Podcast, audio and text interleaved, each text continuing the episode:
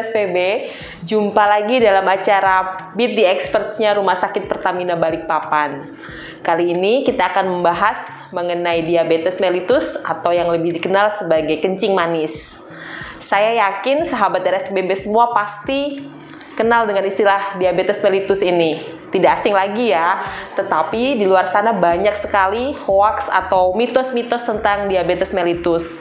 Maka kali ini kita akan menanyakan langsung kepada expertnya, kepada ahlinya, yaitu Dr. Rudi Mokodompit. Dr. Rudi Mokodompit ini pasti juga saya yakin sahabat RSPB semua sudah mengenal beliau. Ini the rising starsnya dokter penyakit dalam Rumah Sakit Pertamina Balikpapan. Ayo kita langsung bertemu dengan beliau dan ngobrol, kita diskusi mengenai diabetes mellitus lebih lanjut. Hai dok. Hai, apa, apa kabar? kabar dok? Fine, luar biasa bukan terendang. Jadi dok, gimana dengan balik papan selama masa pandemi ini dok? Masih banyak aja pasien yang datang berobat ke rumah sakit kah? iya, terus terang memang eh, semenjak pandemik ini eh, informasi yang kurang kena dengan eh, masalah pandemik ini itu tersebar luas di luar rumah sakit mereka takut sekali untuk datang ke rumah sakit karena apa? Karena menurut informasi mereka dapat rumah sakit adalah sarangnya virus corona. Jadi pada takut ketularan gitu Betul, ya dok ya. Padahal seharusnya bapak-bapak dan ibu-ibu di luar sana yang perlu obat rutin harus ambil obat secara rutin kan ya? Betul sekali. Karena eh, pasien-pasien hmm. dengan penyakit kronik itu rata-rata harus berobat rutin. Mm-hmm. Kalau mereka tidak datang, otomatis penyakit kroniknya nggak terkontrol. Penyakit kronis itu termasuk diabetes mellitus ini ya dok ya yang kita mau bahas ya. Iya betul oh, sekali. Okay. Jadi kalau saya mesti bilang, uh-huh. saya sampaikan ke pasien-pasien, kena virus corona diobati dua minggu sembuh. Dua minggu sembuh iya corona. kan? Tetapi kalau tidak kontrol selama eh, lebih dari satu bulan ke rumah sakit Pertamina Balikpapan mm-hmm. atau rumah sakit resiko komplikasi akibat penyakit metaboliknya tinggi sekali. Lebih bahaya dari si corona iya, itu sendiri ya, contohnya ya, apa? Stroke, mm -mm. gagal ginjal, kemudian pembengkakan jantung. Nah, ini kalau sudah terjadi, otomatis kita harus menanggung seumur hidup. Iya. Sedangkan corona dua minggu sembuh kita obati.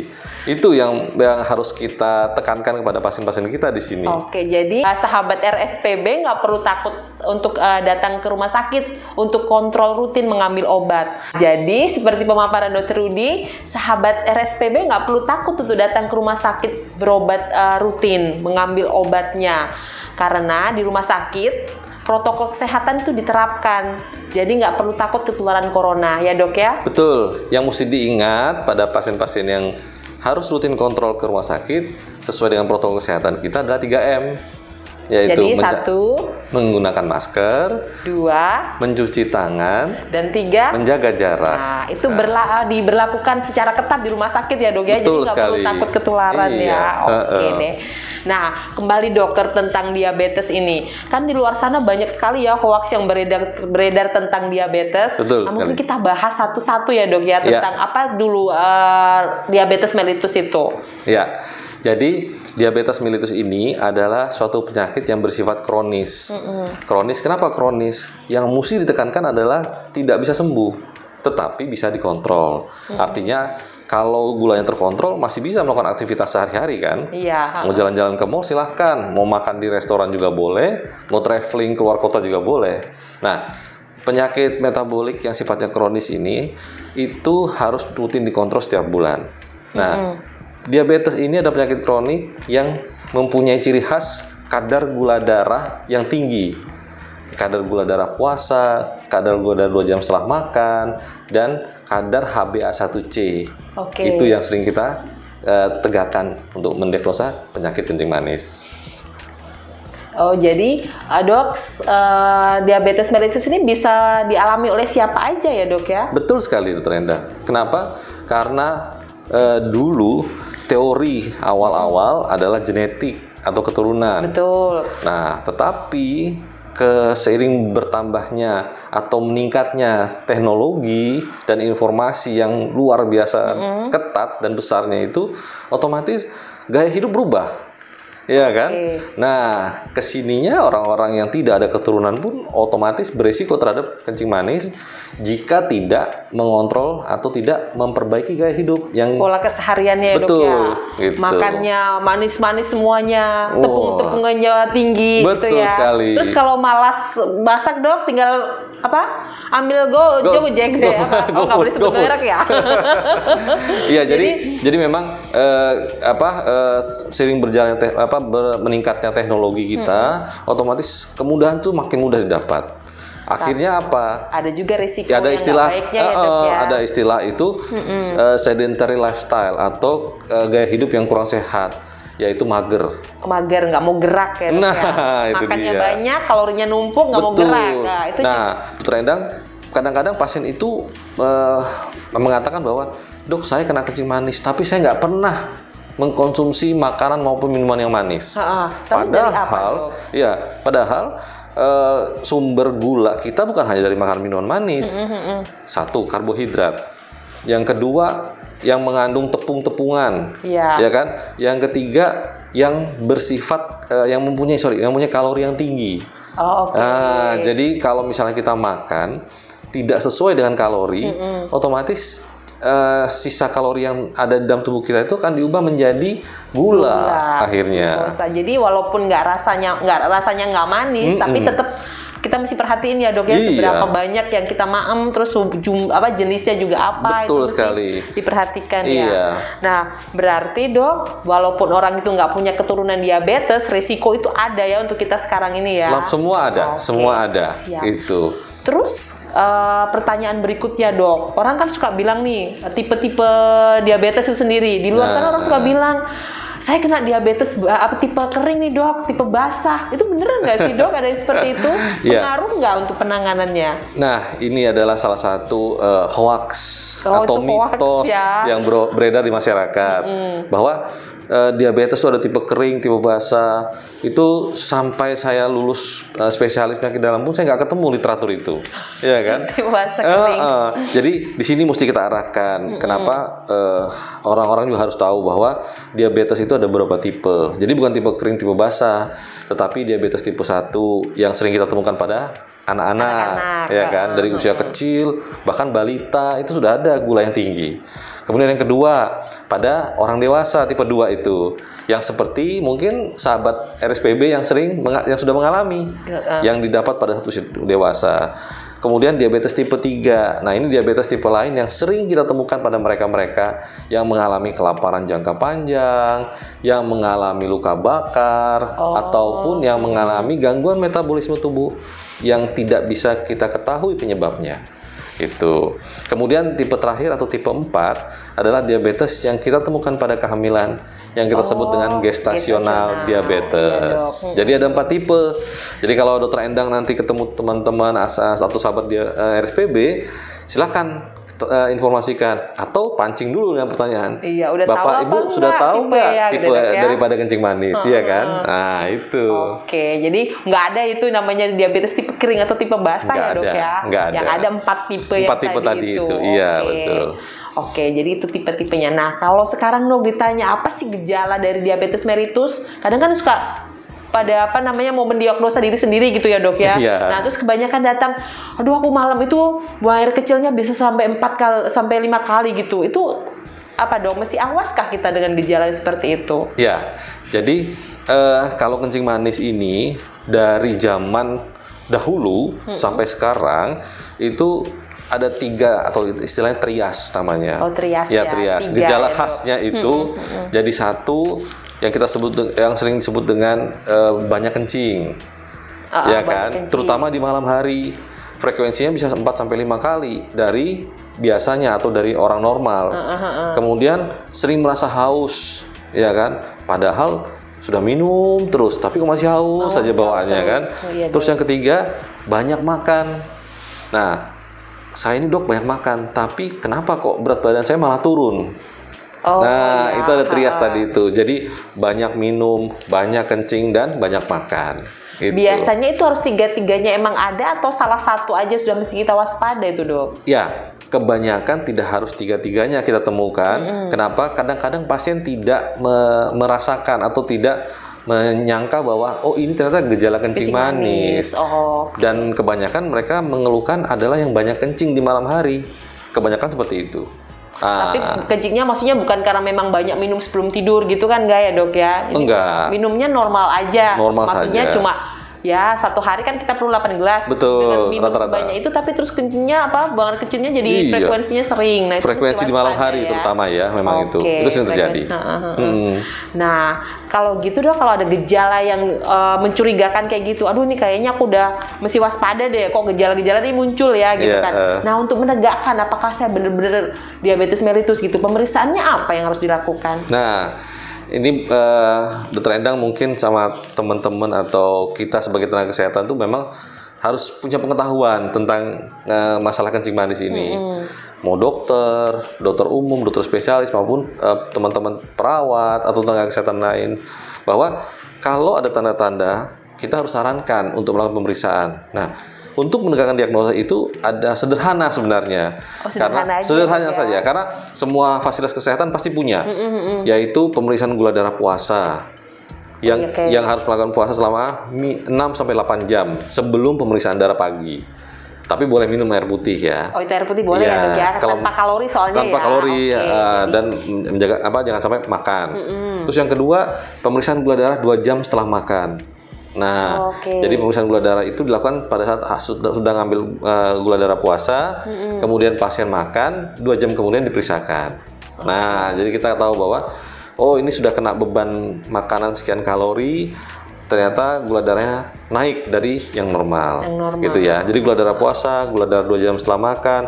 Nah, ini yang paling penting yaitu HbA1c. Ya, HbA1 iya ini jarang-jarang soalnya Iya, terdengar ya dok masih betul. banyak yang nggak familiar ini Betul, kayaknya apa itu familiar. HbA1c dok Jadi HbA1c ini adalah salah satu tools atau pemeriksaan yang paling eh, valid eh, kalau kita mau menegakkan diagnosa. Kenapa?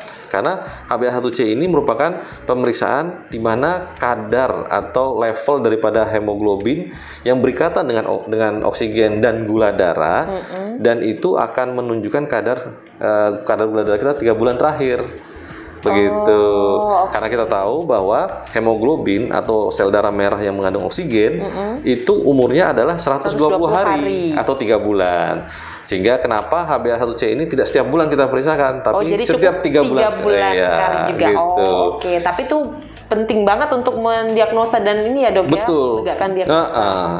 dengan dengan dengan kita memeriksakan ketiga pemeriksaan tadi, itu kita sudah paling tidak sekitar 90 sampai 98 persen bisa menegakkan diagnosa kencing manis pada Oh, oke. eh, oh, apa pasien yang memiliki tanda-tanda atau ciri Gejala, khas ciri- atau eh, gejala kencing yang khas manis. tadi yang dokter bilang Iya. tiga hal tadi itu ya Betul. oke nah kalau mau periksa HbA1c itu dok di RSPB ada kan Oh ada di setiap rumah sakit ada, Oh, setiap rumah ada. sakit bahkan ada di rumah sakit ya. Iya. Di klinik-klinik itu juga ada yang rapid gitu katanya kan. Jadi Ada. cepet langsung jadi Iya, gitu ya. jadi Oh. kebetulan jadi di Rumah Sakit Pertamina Balikpapan kita punya polidiabetes di mana di polidiabetes itu kita punya pemeriksaan atau tools untuk HbA1c yang hanya tiga menit langsung Selesai, jadi. langsung diketahui hasilnya Betul. ya. Oh, Dan itu Dok.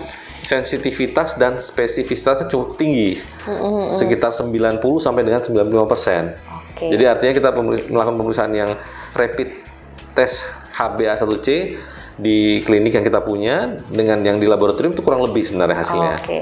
Jadi dok HbA1c itu kan tiga bulan sekali diperiksain tuh ya. Iya. Jadi kepentingannya bukan hanya untuk menegakkan diagnosa, tapi juga untuk melihat kontrol kadar gula darah selama Iya. penanganan ya dok ya. Betul sekali terendang. Jadi dengan pemeriksaan HbA1 HbA1c yang tiap tiga bulan kita periksakan, kita itu bisa mengetahui satu keberhasilan terapi dari dokter. Oke. Terus yang kedua ketaatan daripada pasien itu untuk Oh, berobat, iya. ya kan? Karena kebanyakan gitu dong sering-seringnya. Jadi tahu kan udah mau apa saatnya kontrol nih. Iya. Wah tiga hari lagi saya mau kontrol ini. Nah tiga hari itu biasanya yang dibagusin gitu kan. Ah, Minum ah. obatnya rutin, nggak Betul lupa-lupa, makannya dijaga gitu kan. Jadi waktu datang gula darah puasanya bagus, Bagus. gitu kan. Ah, Padahal ah. pas dilihat HbA1c-nya ada kemungkinan ternyata nggak oke ya dok ya. Iya. tinggi ya. Nah, yang perlu diketahui pada pasien-pasien para sahabat RSPB Uh-uh. bahwa kadar gula darah puasa normal itu harus di bawah 126 mg per desiliter. Gula puasa Ya, ya. gula puasa ya 126 mg per desiliter. Kemudian gula darah 2 jam setelah makan itu harus di bawah 140 mg per desiliter. Oh, dua jam setelah makan. Iya, Oke, itu dok. harus di bawah 140 mg per desiliter. Kemudian HbA1c tadi itu harus di bawah 7%. Oh, di bawah 7%. Iya. Oke, dok. Jadi Kalau semuanya lebih dari ke- nilai normal tadi, saya bilang 95% itu kencing manis. Oke Gitu. dok, Hmm, kencing manis ya. Iya. Nah terus kalau kita udah nih udah tahu oh ternyata aduh ternyata memang terkena apa diabetes gitu kan, Hmm. dok suka pada takut mereka semua itu kirain itu hakir dari dunia gitu kan, aduh aku terdiagnosa diabetes gitu kan. Nah sebenarnya kalau untuk diabetes sendiri dok penanganannya gimana sih? Nah, Mungkin kan nggak dok untuk sembuh gitu, maksudnya abis minum obat terus oh hilang nanti nggak perlu minum obat lagi gitu. Iya, jadi memang eh, kita sebagai tenaga kesehatan itu harus menginformasikan dari awal bahwa diabetes ini tidak bisa sembuh, tetapi bisa dikontrol. Nah, bagaimana caranya? Nah, eh, ada empat pilar pengobatan diabetes yang sering kita sampaikan ke pasien ataupun di dalam diskusi-diskusi ilmiah bahwa yang paling penting itu satu masalah edukasi. Oh, ya kan? iya. Nah, ini yang paling penting. Karena pasien diabetes itu kalau cuma datang gula darah tinggi, kemudian berikan obat pulang selesai. Dia nggak mengerti apa-apa. Nah, Nah, padahal edukasi keseringannya kayak gitu ya dok ya Betul. kalau berobat biasanya gitu ya. Iya. Antrinya udah lama tapi nanti Iya. ketemu dokter nggak bisa lama. Segan soalnya dok kalau nggak yang ngantri di belakang kita Iya, banyak terus betul, kita mau betul. nanya-nanya kan sungkan tuh. Iya, makanya ya. oleh karena itu yang paling penting adalah masalah eduka- edukasi sebenarnya, di mana kita harus mengedukasi bahwa ada empat pilar pengobatan diabetes. Ya satu, bagaimana kita meng- mengontrol pola makan kita, mengatur pola makan. makan kita. Itu yang paling erat Itu paling erat ya. terkait dengan jenis makanan, jumlah kalori, kemudian frekuensi makan, ya kan? Itu yang paling penting. Nah itu dari pola makan kita. Pola makan. Terus yang kedua, ini nggak lepas dari pengobatan diabetes adalah masalah gerak tubuh atau olahraga. Olahraga. Yang disarankan oleh WHO dan Depkes adalah satu minggu minimal tiga kali selama 45 menit. Tiga kali selama 45 menit. Iya. Optimalnya kayak gitu Iya, ya. itu optimal Oke. sudah. Terus apa jenis olahraga yang bisa dipilih? Nah, untuk pasien-pasien diabetes yang rata-rata 60 tahun ke atas, itu yang disarankan ada tiga sebenarnya. Satu, ja- jalan sehat ya, atau kalau masih bisa gitu jogging ya. ya, Oke, boleh. jogging, jalan sehat. Kemudian bersepeda. Bersepeda. Kemudian yang ketiga adalah berenang. oh berenang. Eh, eh, itu memang dikhususkan untuk pasien-pasien diabetes yang sudah 60 tahun ke atas. Tapi secara umum silahkan semua boleh menjalankan tiga hal ini olahraga ini Olahraga. ya. Ya, eh, itu dari sisi olahraga. Jadi selain mengatur pola makan, kemudian olahraga yang teratur. Nggak boleh Nah, nggak boleh mager lagi berarti nggak ya. boleh, nggak boleh mager, kan? Itu resikonya berat itu ya. Kemudian yang ketiga, yang ketiga yaitu rutin minum obat diabetes atau menyuntik insulin dengan teratur. Nah Gitu. dok nih terkait dengan obat ini dokter kan bilang rutin minum obat gitu ya. Iya. Ini pasien-pasien pasien yang datang nih dok kadang suka ngomong gini, aduh kalau saya minum obat terus atau denger-dengar dari Iya. tetangga dibisik-bisikan jangan minum obat terus nanti ginjalmu rusak katanya gitu dok. Terus kalau dikasih insulin juga gitu, aduh jangan mau deh dikasih insulin. Kalau udah dikasih insulin berarti sakit udah parah. Parah. Nanti kamu ketergantungan loh. Iya. Suka bilang gitu Betul, dok. betul, Bener betul. nggak sih itu dok? Nah, itu dokter Endang yang mesti kita apa? Mesti kita hancurkan ya hoax atau mitos Hoax seperti itu itu, ya, itu mitos itu berarti ya, Betul, Dok, ya. bahwa eh, kalau kita minum obat terus ginjal kita bisa rusak. Kalau kita suntik insulin akhir dari segalanya, Akhir segala, ya kan? Padahal eh, ada suatu penelitian besar yang dilakukan selama lima tahun dengan melibatkan ribuan pasien diabetes, di mana populasi itu dibagi dua. Jadi pasien diabetes yang tidak mendapatkan obat hanya mengatur pola makan dan hanya eh, olahraga. Olahraga gitu ya. Kemudian yang satu lagi mengatur pola makan, olahraga dan diberikan minum obat, gitu ya. Ternyata dalam lima tahun ke depan eh, komplikasi yang ditimbulkan itu lebih banyak pada mereka yang hanya mengatur pola makan dan ol- dan olahraga. Yang nggak minum obat ya dok ya? iya, justru ya? yang tanpa obat loh ya, tanpa obat. Nah, setelah itu dilihat lagi, ternyata memang yang banyak itu adalah mereka-mereka itu gangguannya di ginjal. Iya oh, justru yang nggak minum obat, nggak minum obat, ginjalnya yang iya, bermasalah. Oh. lebih cepat proses kerusakannya daripada yang mereka minum obat.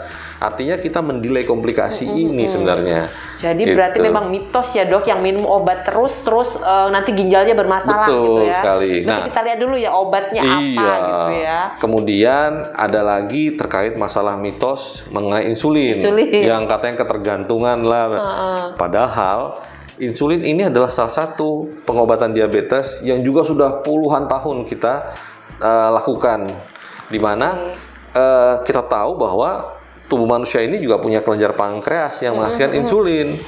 Pada pasien-pasien diabetes pankreas sudah nggak mampu mengeluarkan insulin untuk yang, Yang cukup, cukup kan, gitu ya, Dok. Oke. sehingga harus dibantu dari luar, Luar, yaitu menggunakan insulin. Nah, cuman orang-orang itu berpikiran bahwa wah insulin itu udah penyakitnya berat, padahal enggak sebenarnya, sehingga diharapkan dengan insulin otomatis akan bisa mengendalikan kadar gula darah. ya. Heeh. Dan artinya kita men- apa namanya mencegah ya dok ya memperlambat Iya, komplikasi betul. ya.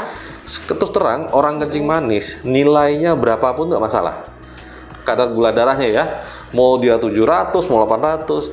Yang jadi masalah kalau dengan kadar gula segitu Muncul beserta dengan komplikasi. Oke. Iya kan? Kita Tapi dok biasanya kalau 700 pasti sudah mulai nggak sadar lah ya.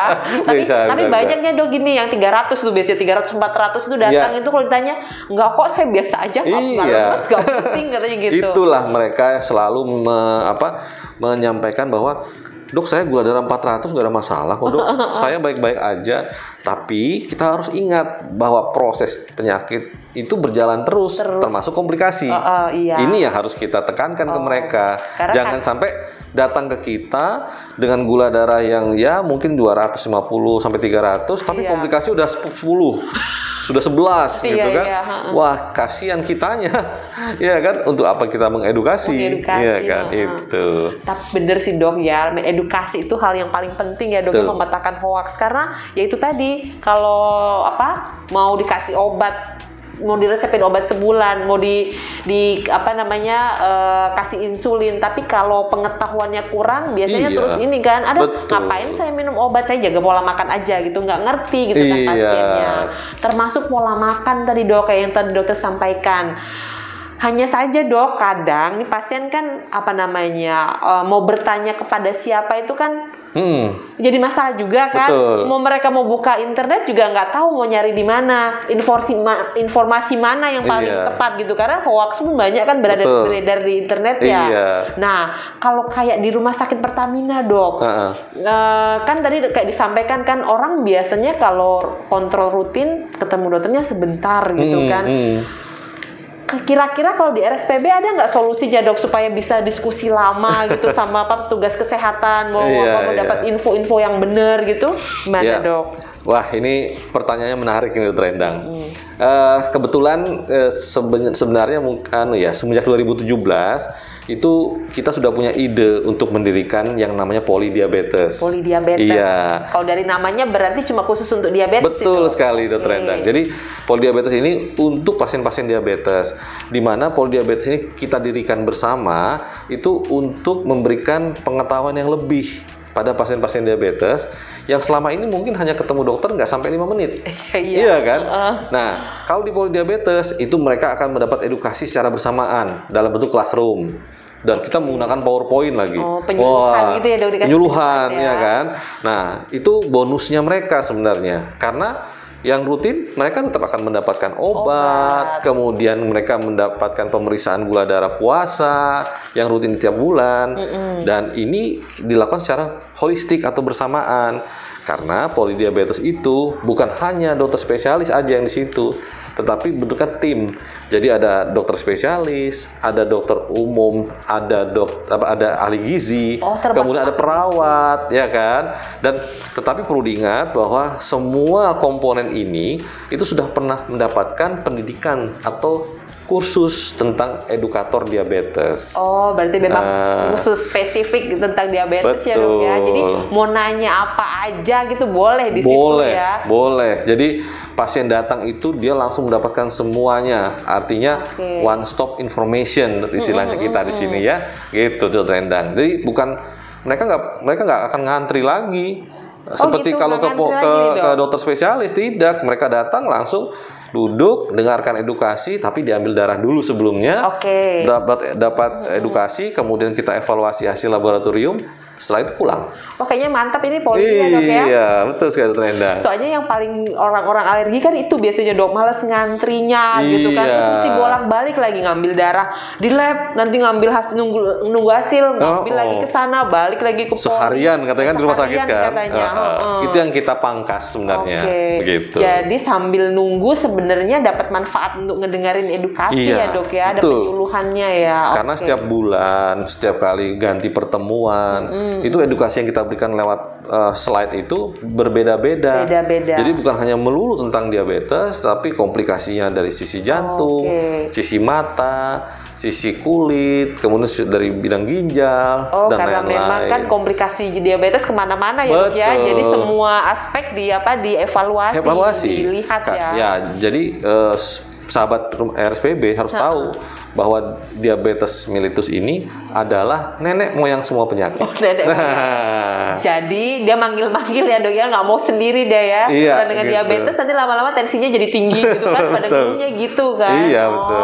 itu semua sebenarnya karena komplikasi betul sekali. diabetes ya. Iya. Oke deh menarik ini dok kayaknya baru di RSPB ya yang ada seperti itu ya. Iya, kebetulan memang eh, untuk polidiabetes di wilayah Balikpapan itu baru di di Rumah Sakit Pertamina Balikpapan.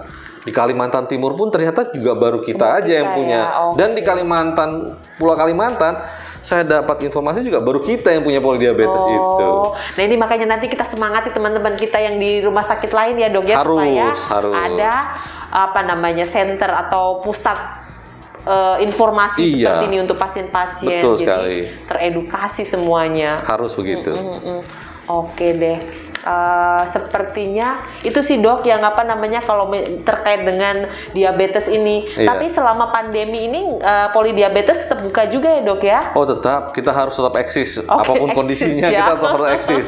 Karena memang lebih penting mengontrol kadar gula darah Betul. itu ya dok ya. Ha-ha. Salah satunya juga supaya si virus corona itu nggak gampang menyerang kita ya. Iya, betul sekali. Oke. Karena kan pasien-pasien diabetes itu otomatis imunnya itu tidak sama seperti orang sehat. Pasti satu level di bawahnya mereka-mereka sehat. Sehingga kalau ada penyakit atau saat ini seperti pandemi corona, Iya. virus corona, mereka berisiko terlebih dahulu kena daripada Oh, yang sehat iya, dok, ya. gitu. Dan sekali kena ini dari dari yang sudah-sudah dari pengalaman dokter merawat Ya. lebih berat ya gejala yang dialami Pasti, ya. pasti. Oh, Apalagi oke. kalau mereka sudah ada komplikasi di jantung, di paru-paru. Wah, ini cukup berat itu. Oh. Gitu ceritanya. Jadi sahabat RSPB nggak boleh sekali lagi ya, nggak boleh segan atau males datang kontrol ya, nggak Iya. perlu takut juga untuk rumah sakit ngambil Betul. obat rutinnya. Iya. Oke deh dok, ini uh, diskusi kita sore, uh, hari ini menarik banget ini, dan saya yakin pasti sahabat-sahabat RSPB di luar sana mendapatkan manfaatnya. Iya, harus itu Jadi ya. itu saja mungkin masih ada lagi yang mau disampaikan ke apa dok, ke fansnya dokter, dokter uh, pasien-pasien rutinnya dokter ya, di Ya, RSPB. Jadi kembali lagi eh, sebagai take home message bahwa eh, diabetes mellitus ini adalah penyakit yang tidak bisa sembuh tetapi bisa dikontrol. Dan yang mesti diingat bahwa edukasi adalah salah satu hal yang terbaik dalam menjalani kehidupan berdampingan dengan diabetes. Dan ada empat pilar pengobatan yang harus kita ingat dan sahabat diabetes harus ingat, eh, sahabat RSPB ingat, Ingat, adalah pertama menjaga pola makan, kemudian olahraga, Olahraga. teratur, kemudian minum obat atau eh, suntik insulin teratur, dan yang paling penting jangan lupa kontrol minimal satu bulan sekali ke rumah sakit atau vaskes kesehatan. Oke, Begitu. untuk dapat edukasi lagi Betul tentunya sekali, ya, Dok, Dr. ya. Endang. Baik dok, sepertinya diskusi kita kita cukupkan sampai di sini ya dok Sama-sama, ya. Endang. Tapi benar-benar bermanfaat ini bagi Iya. uh, sahabat-sahabat RSPB semua. Amin. Oke, kita tutup diskusi kita sampai di sini. Nanti apabila ada sahabat RSPB yang ingin bertanya atau perlu informasi lebih lanjut, jangan segan untuk eh, datang langsung ataupun melalui telekonsulnya RSPB. Terima kasih, semoga bermanfaat untuk kita. RSPB melayani sepenuh hati, terdepan dengan akhlak.